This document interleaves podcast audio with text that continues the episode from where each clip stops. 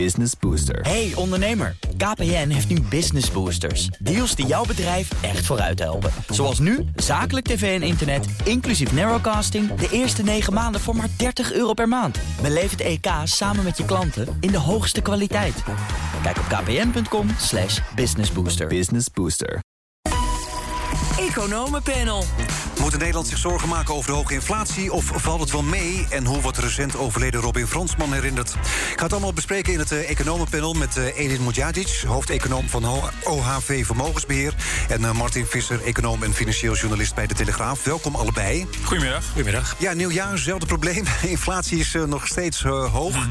Klaas Knotte, de president van de Nederlandse Bank, die gaf laatst een interview in Trouw. Hij heeft jarenlang geprobeerd om de inflatie op te schroeven, maar nu loopt het toch een beetje uit de hand, uh, misschien, uh, Eden? Nou, dit laat in ieder geval zien dat uh, als je al het idee had dat centrale bankiers een soort magische kracht hadden om inflatie te sturen, dat dat het geval zou zijn, dat is dus niet het geval. Je probeert eerst heel lang inflatie omhoog te krijgen, dan heb je die inflatie en is, dan is die weer veel te hoog. Um, die is afgelopen maanden veel te hoog geweest. Uh, door heel veel eenmalige factoren, wat je ook heel vaak hoort. Dat betekent wel dat, dat de kans heel groot is dat, dat de geldontwaarding in loop van dit jaar wegzakt. Mm -hmm. Dat is het goede nieuws. Yeah. Het wat minder goede nieuws uh, is, uh, denk ik wel, dat, dat, dat die kans niet zo groot is dat je naar het pre-corona-niveau zakt. En als ik bijvoorbeeld kijk naar de laatste ramingen van de Nederlandse Bank, uh, die heeft het over 3% dit jaar en 3% volgend jaar. Nou, dat is minder dan wat we nu meemaken. Maar als ik dat vergelijk met hoe hard de lonen in Nederland ongeveer stijgen, gemiddeld genomen, dat is meestal uh, lager dan het percentage. Ja. Dus dat betekent dat je ook met, met een dalende inflatie in loop van dit jaar, zijn er heel veel mensen die er, uh, die er echt op achteruit gaan. Omdat de prijsstijgingen die nu zijn doorgevoerd ook voorlopig zullen blijven? Jouw loonstijging zal waarschijnlijk de, de stijging van de prijzen niet compenseren. Nee. Martin, hoe kijk jij naar het beleid van de ECB in de af, afgelopen jaren? Om inderdaad die inflatie omhoog uh, te jagen en uh, nu, uh, ja, dat het nu dan gelukt ja. is, alleen misschien een beetje te veel? Ja, nou ja, er waren al heel veel vragen over de effectiviteit van het ECB-beleid. Ze zijn al, ze zitten in 2015 bezig om massaal obligaties en staatsobligaties op te kopen. Officieel met de bedoeling om de inflatie aan te jagen. Maar er zijn allemaal onofficiële doelstellingen die minder hard worden uitgesproken. Zoals de euro een beetje drukken, de staatsschulden van Italië een beetje houdbaar houden, rentes omlaag, allerlei andere reden dan alleen maar de inflatie. Formeel is de inflatie. Uh, ja, het is niet zo dankzij, dat dankzij de ECB of door de ECB nu de inflatie omhoog gaat, maar door heel andere factoren. De energieprijzen bijvoorbeeld. De, de, de energieprijs is natuurlijk de belangrijkste. Dat is, uh, dat is het grootste component, maar het is niet het enige component. En dat is natuurlijk de reden dat de centrale bankiers, waaronder Klaas Knot, uh, redelijk bezorgd zijn. Omdat er wel degelijk factoren zitten in die prijsstijgingen die ook buiten die eenmalige energieprijzen prijsstijging omgaan. En wat Eden ons zegt, de Nederlandse bank heeft inderdaad voorspeld dat we voorlopig met een inflatie van een procent of drie blijven zitten. Ja. Kijk, als die inflatie veroorzaakt zou worden doordat we uh, vooral met z'n allen heel veel spullen kopen, daar kan een centrale bank met een renteverhoging iets aan doen. Die kan de vraag uh, temperen. Mm -hmm. Het grootste deel van de huidige inflatie komt uit de aanbodfactoren. Daar helpt geen renteverhoging tegen. Dus nee, dat, want, dat want... maakt het zo lastig voor de centrale bank. Die heeft eigenlijk te maken met te hoge inflatie. Mm -hmm. Maar de redenen daarachter zijn zodanig dat ze daar zelf heel weinig aan kan doen. Ja, want de ECB die gaat het opkopen van de staatsschuld verlagen van 80 miljard per maand naar 20 miljard per maand oktober dit jaar. En daarna zou er dan mogelijk een renteverhoging gaan plaatsvinden. Maar dat heeft dus nauwelijks invloed op de inflatie, zeg je. Nou, ik, ik sluit me helemaal aan bij uh, de woorden van mijn collega aan de, aan de overkant. Uh, uh, achter de schermen zijn er allerlei andere redenen waarom de ECB de rente al heel lang op 0% houdt. En dat heeft te maken met hoge staatsschulden, et cetera. Dus als we het over mogelijke hoge, hoge staatsschulden, vooral in het zuiden van Europa. Inderdaad. Dus als we het, als we het hebben over mogelijke renteverhogingen van de ECB, geldt voor mij echt eerst zien dan geloof. Want ja. de lat ligt volgens mij voor de bank ontzettend hoog. Want zou een rentestijging dan wel die inflatie dan kunnen beteugelen nu? Martin? Nou ja, dat zou eventueel kunnen. Maar uh, um, ja, niet voor niks wordt ook gezegd van er zijn allerlei andere factoren die ook hier een rol spelen. Dus of dat meteen direct tot resultaat leidt, is natuurlijk de vraag. Het zou wel bij de huidige stand van de economie niet heel onlogisch zijn. Je ziet natuurlijk dat de Amerikaanse centrale bank en de Britse centrale bank al in actie zijn gekomen. Alleen de ECB is een, is een centrale bank voor een heel ingewikkelde politieke constructie van allerlei uiteenlopende eurolanden. Mm Daar spelen hele andere agenda's een rol. Dus daarom is het voor de ECB ongelooflijk spannend van wat nu te doen. Het is niet voor niks dat ze dan recentelijk wel besloten hebben om de, eh, het, het eh, pandemieprogramma, dat opkoopprogramma, om dat te gaan afbouwen. En op een gegeven moment echt te stoppen in maart. Maar tegelijkertijd het nog steeds lopende andere programma, al sinds de nadagen van de eurocrisis, om dat weer een beetje uit te gaan breiden. Ja, dat is natuurlijk gewoon macro-economisch is daar geen enkele logica voor. Politiek is er natuurlijk heel veel logica voor. Want ja, de staatsschuld van Italië met een is het, 140, 150 procent van het bruto binnenlands product. En oplopend. Ja, en oplopend is natuurlijk houdbaar als de rente ook voor Italië bijna nul is. Maar het is niet houdbaar als die rente gaat oplopen. Maar, dus maar, dat maar is Europa is eigenlijk in een spagaat. Want van de ECB kan niet zo heel veel doen. Want laat je die rente dus oplopen. Ja, de ECB zit er niet in, ja, in een spagaat en er zit gewoon helemaal klem. Ze, zijn helemaal, ze hebben zichzelf helemaal afhankelijk gemaakt van de politiek. En keer op keer vragen ze aan de politiek: neem van ons een stokje over. Wij kunnen dit niet allemaal. Nou heeft de politiek in Europa natuurlijk besloten al een tijd geleden, het begin van de coronacrisis, om met zo'n coronafonds te komen. Dus dat is al een manier. Verder zijn allerlei overheden zijn inderdaad aan het stimuleren. Maar ja, stimuleren, dat doet die staatsschuld alleen maar verder oplopen. Dus in die zin zit de ECB heeft zichzelf helemaal klem gemanoeuvreerd. En de politiek is de lachende derde. En die bank had het afgelopen jaren relatief makkelijk. Want je had altijd een plausibel verhaal voor het beleid dat je gevoerd hebt. Met die inflatie. Met, Want inflatie ja, was veel te laag. Die moeten we omhoog klikken inderdaad. Inflatie was veel... Dus en nu valt die reden weg. Maar, maar nu is er geen nu valt die reden weg. Nee, nee. En dat, uh, dat betekent ook dat je het meest waardevolle wat je als centrale bank hebt... namelijk je geloofwaardigheid, zet je hiermee op het spel. Ja. Want als je vijf jaar lang tegen uh, mensen zoals, zoals wij zijn roept... ga maar rustig slapen, als het allemaal te gortig wordt... ik sta klaar om in te grijpen, dan gebeurt het een keer... en je, en je grijpt niet in, ja, dan moet je niet raar van opkijken... als mensen het vertrouwen in jou nog meer gaan verliezen. Daar. Maar ja, daarom, gaat de ECB, daarom roept de ECB natuurlijk voortdurend... in ieder geval Christine Lagarde... ja, het is tijdelijk, tijdelijk, tijdelijk die inflatie. En Klaas Knolt vanuit het noorden van Europa... die al veel langer die kraan wilde dichtdraaien... die waarschuwt al sinds nou, augustus, september... begon hij al te vergelijken met de jaren 70 en de dat oliecrisis. dat de inflatie hoger zal blijven, dat, dat het niet tijdelijk is. Dat de inflatie hoger zal blijven. Dus het zijn gewoon politieke machinaties die daar spelen. Maar wat gaat dit dan eigenlijk betekenen voor de stabiliteit van de eurozone? Uh, dit jaar uh, bestaat de euro uh, 20 jaar. je hebt dan die verschillen tussen Noord, Noord en, en ja. Zuid eigenlijk. Ik bedoel, komen hier dan ook niet de grenzen van, van het Europese monetaire stelsel in zicht? Nou, die waren voor mij al in zicht. overigens, dat is iets anders dan te voorspellen dat de euro ophoudt te bestaan. Waardoor we hebben gezien dat zelfs de eurocrisis kan worden overleefd. met politieke daadkracht en politieke wil vooral. dus dan kan je dus zelfs de moeilijkste periodes over. Als, als, je, als je maar geld ter beschikking stelt, als je centrale banken hebt die pal staan. Um, maar inderdaad, het wordt ook wel een heel spannende periode voor, voor de Europese Centrale Bank en voor de, en voor de eurolanden. Want ooit zal je weer naar normaal moeten. Dat het risico op een Italiaanse staatsobligatie weer normaal wordt ingeprijsd. En wat gebeurt er dan? Als meneer Draghi in, in Italië van premier-president wordt. en de politieke draagvlak voor de hervormingen, waar iedereen zo ontzettend enthousiast over is, weg zou vallen. Wat gebeurt er dan? Mm ja, dat wordt heel behoedzaam opereren voor de ECB. Ja. En Klaas Knot zit ook in het bestuur van de ECB. Ik bedoel, hij waarschuwt steeds dat die inflatie uh, hoger blijft. Maar hij kan er dus ook niet zoveel aan doen, blijkbaar. Ja, kijk, hij is uiteindelijk één van de 25 mensen in het bestuur. Uh, dus hij kan wel heel veel dingen uh, uh, roepen in het bestuur. Dat doet hij ook. En terecht. alleen wat doorslaggevend is, is wat denkt de meerderheid van het bestuur. En de meerderheid dacht en denkt nog steeds... we moeten doorgaan met het beleid wat we nu aan het voeren zijn... om inderdaad allerlei andere redenen buiten de ontwikkelingen... op het gebied van, van, van inflatie om. Ja. en dat is een groot probleem voor de, voor de ECB. en dat betekent ook hoe lastig de afgelopen jaren voor, uh, uh, voor de ECB wellicht zijn geweest. Het is kinderspel met wat de bank nu te wachten staat. Want nu wordt het echt heel moeilijk. Ja. Omdat, omdat ze inderdaad dat, omdat, om hun geloofwaardigheid dat, te behouden. Omdat je dat plausibele verhaal, wat je sinds 2008 eigenlijk elk jaar wel had, heb je niet meer. Ja. Maar goed, Klaas Knot zegt dus inderdaad... die inflatie eh, die zal nog wel eh, even blijven. Maar volgens eh, Sandra Flippen, die columns schrijft in het FD... zegt ook van, ja, we moeten ons niet zo zorgen maken over die inflatie. Ja, ik vond het een wat wonderlijk verhaal, eerlijk gezegd. Bedoel, um, ik denk dat ze daar vooral een, een rol wil spelen... Uh, voor, voor het maatschappelijk debat. Dat we niet in paniek moeten raken. Nee, we hoeven ook niet in paniek te raken. En het feit dat de inflatie in november uh, uh, dik boven de 5% was... betekent niet dat we nu jarenlang een soort hyperinflatie gaan krijgen... Als dat de boodschap is, begrijp ik het. Maar er is wel degelijk reden voor zorg als je langdurig een, een tikje hogere inflatie hebt en de lonen daar voortdurend bij achterblijven. En we hebben een kabinet, een nieuw kabinet, wat de lasten gaat verzwaren. Ze zwaaien met lastenverlichtingen.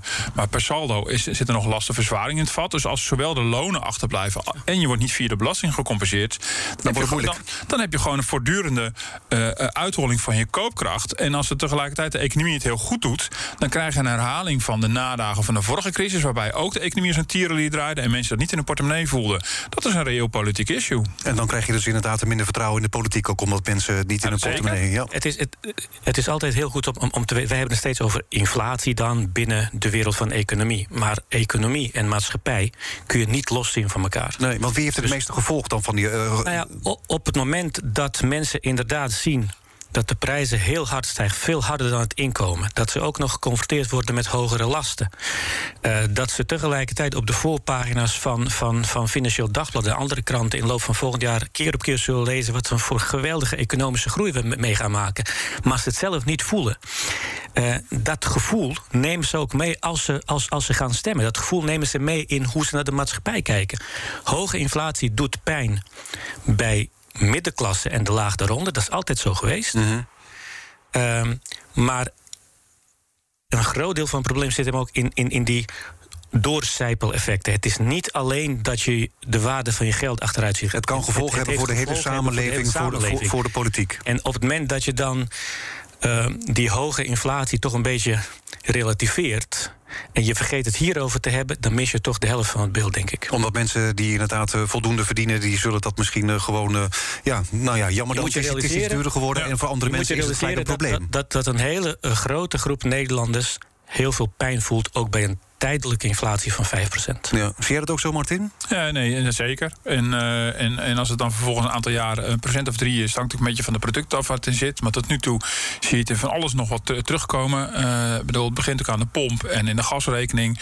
Maar het zit hem ook, het zit hem ook bij de supermarkt, mm -hmm. de dagelijkse boodschappen. En mensen die relatief weinig te besteden hebben, die hebben dat ogenblikkelijk in de gaten. Die zijn gedwongen om week in week uit de prijzen bij te houden. En die zien dat als eerste. En uh, mensen met, met een goed inkomen, die hebben misschien nauwelijks in de gaten. Uh, dus, dus het is, wel heel, heel, het is wel, wel zaak, ook voor het nieuw kabinet, om goed in de smiezen te houden. Waar zit die pijn? En kunnen die op een manier compenseren? En dat kan echt niet één op één. En die koopkrachtplaatjes zijn ook niet heilig. Maar je ziet wel het algemene beeld en een trend ontstaan. En dat moet je wel goed in de gaten houden. Zodat mensen ook blijven mee profiteren van een economie die goed En dus zou je misschien ook iets moeten doen aan de lonen. Maar er zijn anderen zijn dan weer bang voor een loonprijsspiraal. Nou ja, kijk, op het moment dat je als uh, Europese Centrale Bank, waar jij het daar net over had, zegt: dit is een tijdelijk fenomeen, dus we doen niks. Dat kan wel zo zijn, en dat was het in het begin ook.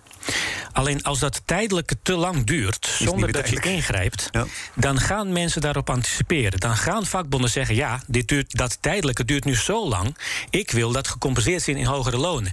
En het feit dat je dus niet in een vroeg stadium hebt opgetreden daartegen, zorgt ervoor dat dat tijdelijke voor een deel permanent gaat worden. En maar, dan ben je echt ver van huis. Maar hoe had er opgetreden moeten worden dan? Nou, je had op zijn minst, in mijn optiek als ECB, uh, heel duidelijk kunnen zeggen dat.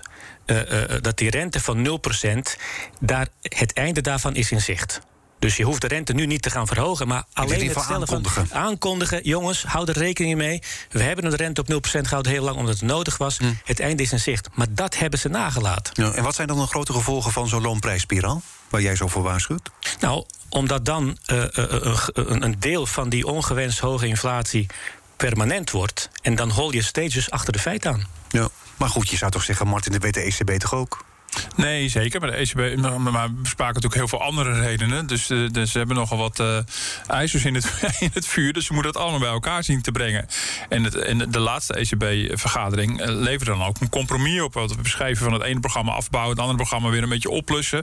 Ja, omdat het een, om meer gaat dan alleen, maar die, dan alleen maar die prijsstijgingen. En er zal ook ongetwijfeld ook een fundamenteel meningsverschil zijn over de ernst van de situatie. Dat zal ongetwijfeld een rol spelen. Want het is allemaal niet zo heel helder. Ik denk dat waar wij voor waarschuwen, waar wij wijzen dat het een, een, mogelijkheid is dat de inflatie langdurig hoog is. En een mogelijkheid en misschien een risico dat de lonen erachteraan, uh, erachteraan gaan. Maar dat zeker weten doen we natuurlijk ook niet. en dat geldt voor de centrale bankiers natuurlijk ook. Ook Klaas Knot zei van nou, we weten misschien van inflatie meer niet dan wel. Het is ook een moeilijk ongrijpbaar iets. Maar het is mhm. wel van belang, en dat is het punt dat we proberen te maken, dat het ingrijpt in levens van mensen. Dus je moet er wel bij thuis bij zijn.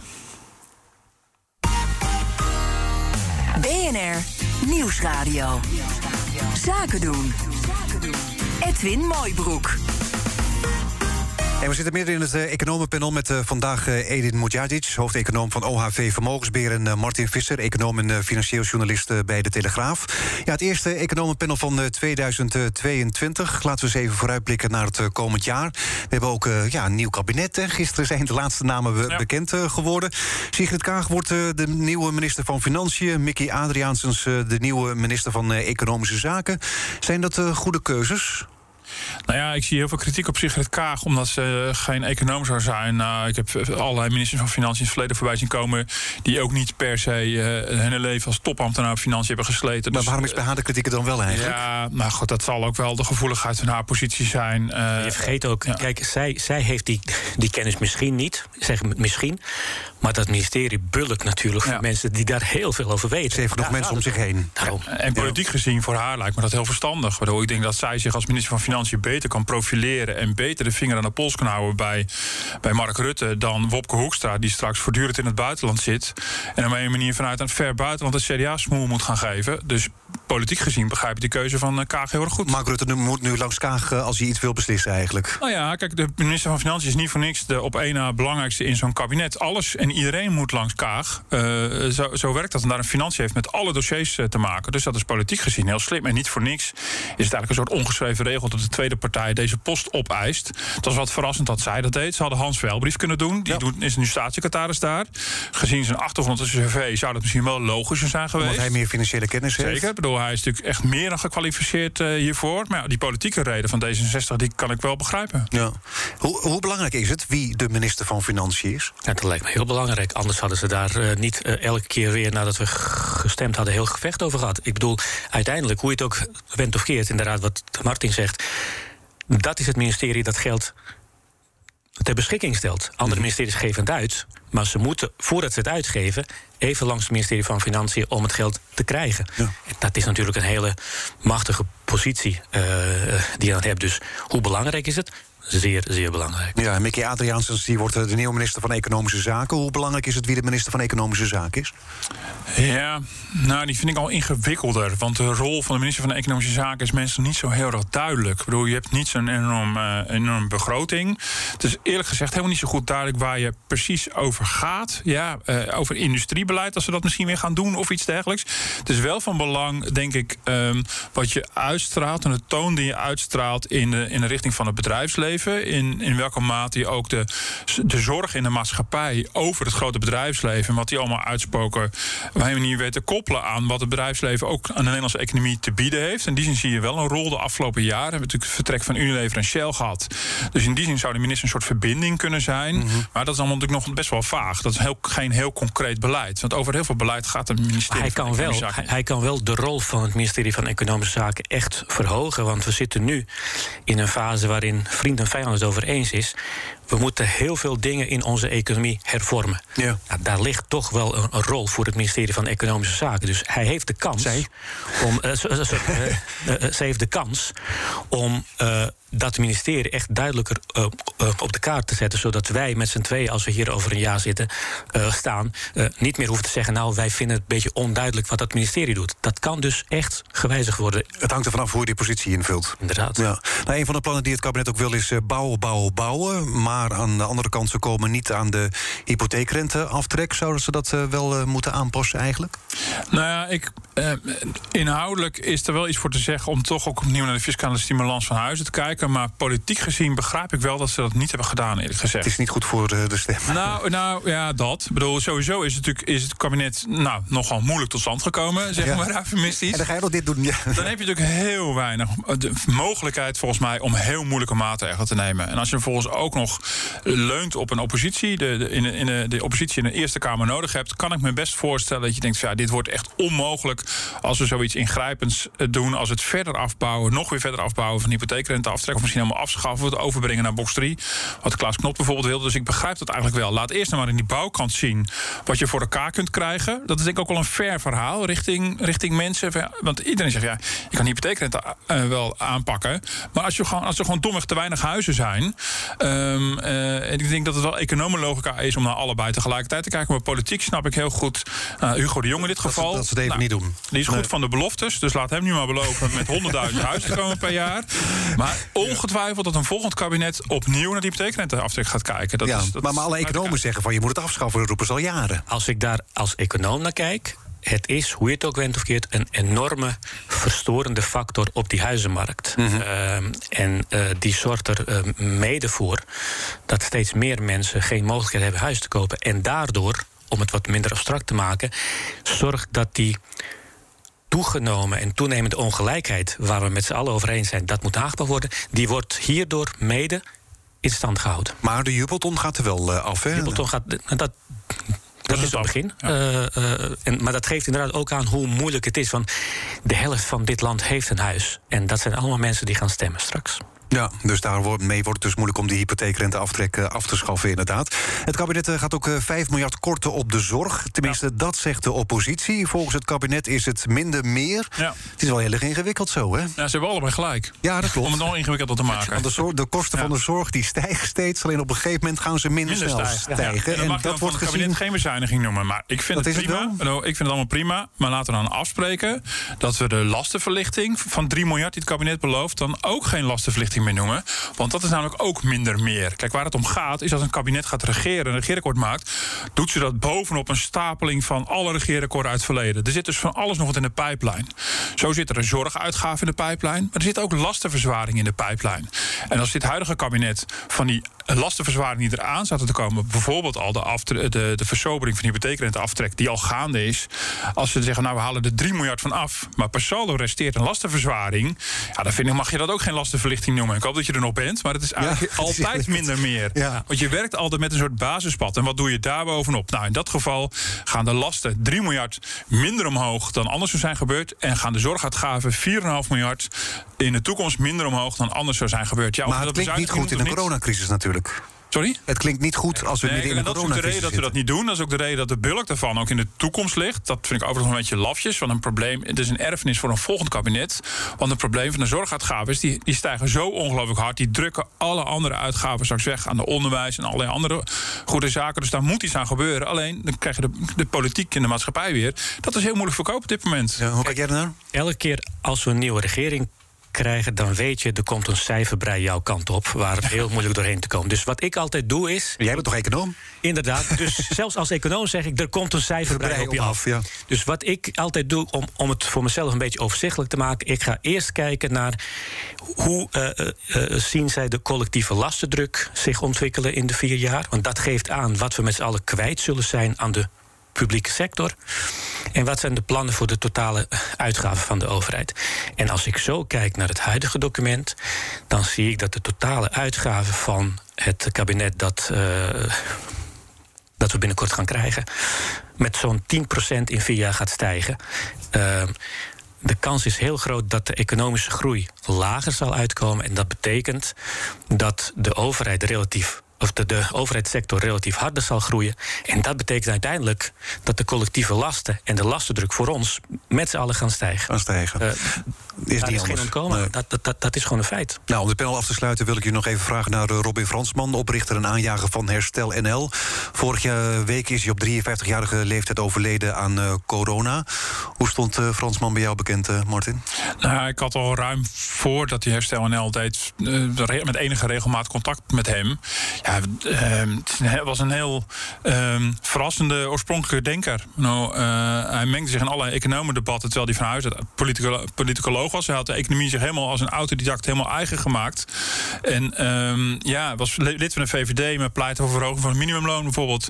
Of spoorde de bonden aan om wat, uh, wat hogere lonen te eisen. Ik heb een interview met hem gedaan over de pensioenen, waarin hij uitlegde dat sparen geen deugd is. De titel van, uh, van zijn boekje. Ja. En dan zet je af en toe echt flink aan het denken. Ja, alleen met met corona uh, zette die ook aan het denken. Uh, zette die mij ook aan het denken. Ik vind het ja, heel tragisch dat hij zich daar zo in vastgebeten heeft... dat hij heel veel vakgenoten gaandeweg wel verloren is met Onderweg, zijn... Omdat ze niet met ja, hem eens dat waren. Hij, dat hij zo... Uh, ja, hij, hij, vond het blijkbaar zo moeilijk te verteren... dat wij allerlei collectieve maatregelen over ons uitgestort kregen. en hij kwam al met statistieken en bewijzen dat het allemaal zo erg niet was. En dat uitgerekend hij dan aan corona overlijdt, is echt diep tragisch. Ja, Edin? Ik was het, uh, ik was het heel vaak niet met hem eens. Um, maar het is ontegenzeggelijk dat hij, hij, hij was wel iemand die met de oprechte belangstelling voor het algemene nut meedeed aan of het of, of economie ging of uh, het coronabeleid. Dus het, het ging hem echt om wat is het beste voor het land. En dat je dan met hem af en toe oneens was, dat is een andere zaak. Nou, als ik dan kijk naar de discussies die wij uh, met z'n allen in loop van dit jaar uh, zullen moeten gaan voeren over al deze dingen. Uh, ik vind het een groot gemis dat zijn bijdrage daarbij er niet bij zal zijn. Oké, dank jullie wel. Edin uh, Mujahid, hoofdeconoom van OHV Vermogensbeheer... en Martin Visser, econoom en financieel journalist bij de Telegraaf. Zometeen na half twee ontmoet ik mijn nieuwe zakenpartner. Business Booster. Hey ondernemer, KPN heeft nu Business Boosters. Deals die jouw bedrijf echt vooruit helpen. Zoals nu, zakelijk tv en internet, inclusief narrowcasting... de eerste negen maanden voor maar 30 euro per maand. Beleef het EK samen met je klanten in de hoogste kwaliteit. Kijk op kpn.com businessbooster. Business Booster.